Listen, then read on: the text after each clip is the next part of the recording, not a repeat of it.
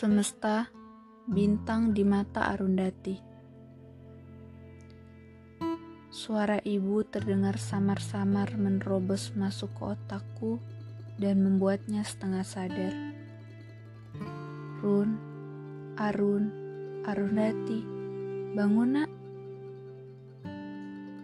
Dengan suara lembut, ibu memanggilku. Tangannya memegang pundakku dan mengguncang tubuhku. Mataku begitu berat untuk terbuka sepenuhnya, tapi tetap kupaksa tubuhku untuk beranjak dari tempat tidur. Oh.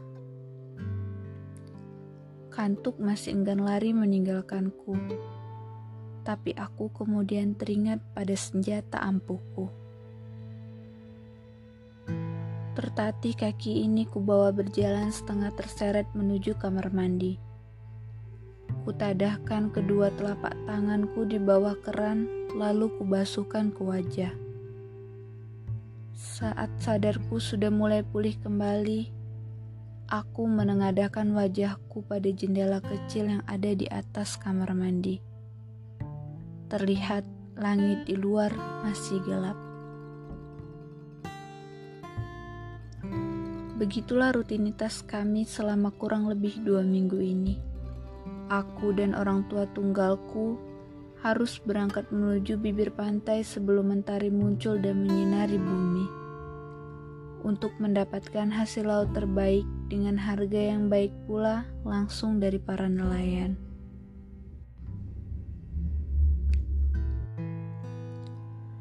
Sejak ayah meninggal beberapa tahun yang lalu, ibu terpaksa melanjutkan usaha rumah makan kami sendirian. Itu sebelum aku lulus kuliah.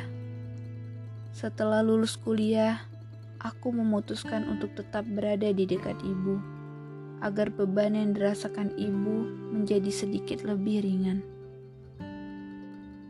Biasanya ada Pak Prio, nelayan langganan ibu yang selalu mengantar hasil tangkapannya ke rumah makan. Tapi sudah dua minggu ini Pak Prio sakit Hal itu yang memaksa kami untuk memilih dan mencari sendiri hasil laut yang akan menjadi menu di rumah makan kami. Sudah siap? Ibu berdiri di depanku sambil membawa senter di tangannya. Sebentar, Bu. Arun ikat tali sepatu dulu. Jangan lupa bawa sentermu. Ibu tunggu di depan. Aku berjak malas saat menyadari bahwa aku melupakan senterku. Otomatis otak ini membayangkan bahwa dengan tali sepatu yang selesai kusimpul, pastinya membuat aku harus menjinjit. Menggunakan ujung sepatuku untuk berjalan kembali masuk ke dalam rumah yang sudah disapu bersih oleh ibu. Run, itu senternya sudah ibu letakkan di belakangmu. Aku tersenyum simpul sambil memuji kagum sosok ibuku yang luar biasa ini.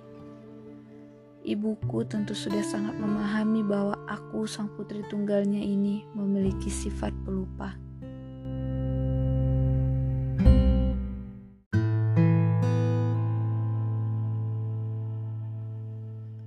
Assalamualaikum. Waalaikumsalam. Sambil menjawab, Aku menatap heran ke arah sumber suara. Ini adalah kejadian luar biasa, karena biasanya para pelanggan yang masuk akan langsung duduk dan memesan tanpa mengucapkan salam.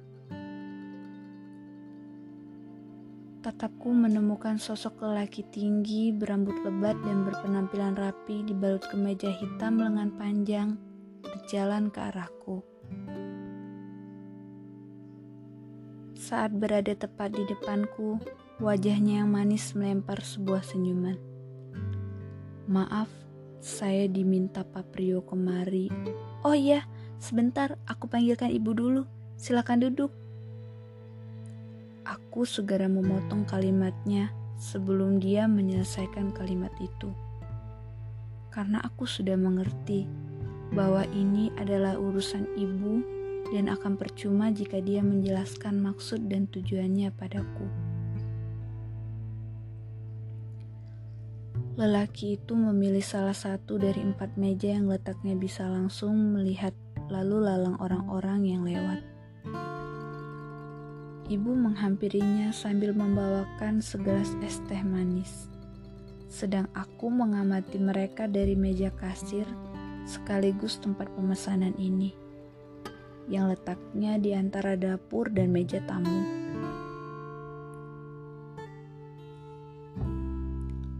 Run, Arundati, sini nak. Ibu melambaikan tangannya memanggilku. Sebenarnya sejak tadi aku sudah berusaha menguping. Tapi saat mereka tiba-tiba menoleh ke arahku, aku segala menoleh ke arah lain berpura-pura tidak sedang mengamati, karena hal yang kulakukan pasti ternilai tidak sopan. Aku segera bergegas menuju mereka. Iya bu, ada apa? Ini kenalin, namanya Bintang. Bintang ini baru pindah dari kota, menetap sementara di sini untuk mencari pengalaman melaut dan dia akan mengambil alih tugas Pak Prio. Jelas ibu. Arundati. Bintang.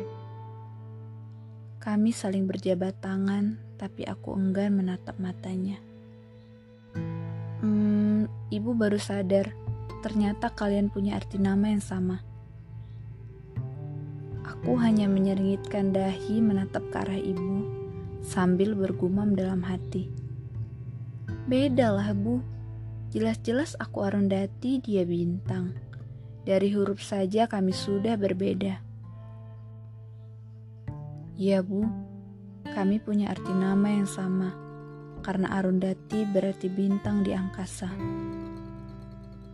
Jelasnya dengan lembut. Penjelasan bintang barusan membuatku sedikit kaget Bagaimana mungkin dia tahu sedangkan aku yang punya nama saja tidak pernah peduli dengan arti namaku. Betul sekali, Bintang punya wawasan yang luas pula rupanya. Puji ibu padanya. Suara bel yang terpasang di atas pintu rumah makan ini berbunyi, membuat kami memalingkan pandangan ke arah yang sama. Dua orang pelanggan masuk dan segera duduk di meja yang ada di sebelah meja ini. Bu, biar Arun saja. Aku segera bangkit dari tempat dudukku. Tanganku memegang lengan ibu yang hendak berdiri dan memintanya untuk duduk kembali. Dan melanjutkan percakapannya dengan bintang. thank you